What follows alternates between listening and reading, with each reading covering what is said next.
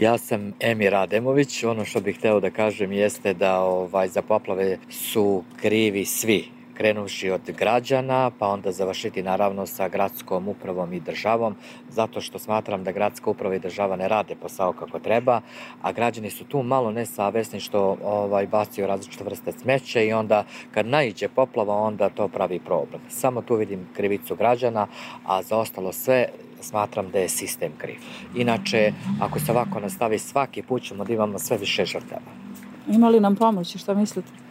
Pa mislim da ima, samo treba bolje i država i lokalna samuprava da se organizuju i da ne gledaju ko je kriv, nego da zajedno sednu i da reše konačno taj naš dugogodišnji problem. Moje ime je Mina Trtovac, e, pa znate kako, smatram da su poplave, da, da smo mi generalno krivi za poplave i da je ovo neki bumeran koji nama priroda vraća, jer mi kao građani smo jako neodgovorni, bacamo smeće gde god stignemo, a za to niko ne naplaćuje kaznu i uh, mislim da je to kriva, krivac je s jedne strane opština zato što ljudima ne naplaćuje kazne za bacanje smeća u reku.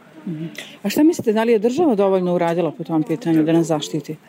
A, mislim da ne, mislim da su trebali mnogo više da učestvuju i kao što rekao, oni su trebali da donesu neki zakon koji je trebao da spreči nelegalnu gradnju koja se desila i te kuće koje se nalaze u koritima reka i sve to što se dešava mislim da je, da je država, a pored toga trebali su da pošalju pomoć mnogo ranije kada su već bile najavljene velike padavine koje slede. Zovem se Demir Miraljemović. E sad se tiče tog pitanja, Ja mislim da je kriva lokalna samuprava jer ne vodi dovoljno računa oko toga.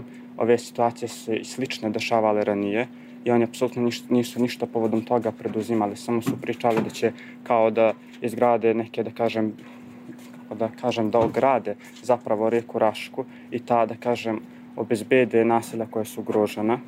A šta mislite, da li je država dovoljno uradila po tom pitanju? Pa mislim da nije posebno jer svaki put kad se desa ovakve situacije priča oko toga kako će se uradi to, a nakon nekog vremena to se sve zataška, jednostavno čekaju da, da kažem, da nas prođe ta, taj bes povodom ovih stvari. Evo sad možemo da vidimo da su se dva čoveka utopila i evo još se ništa nije preduzelo povodom toga.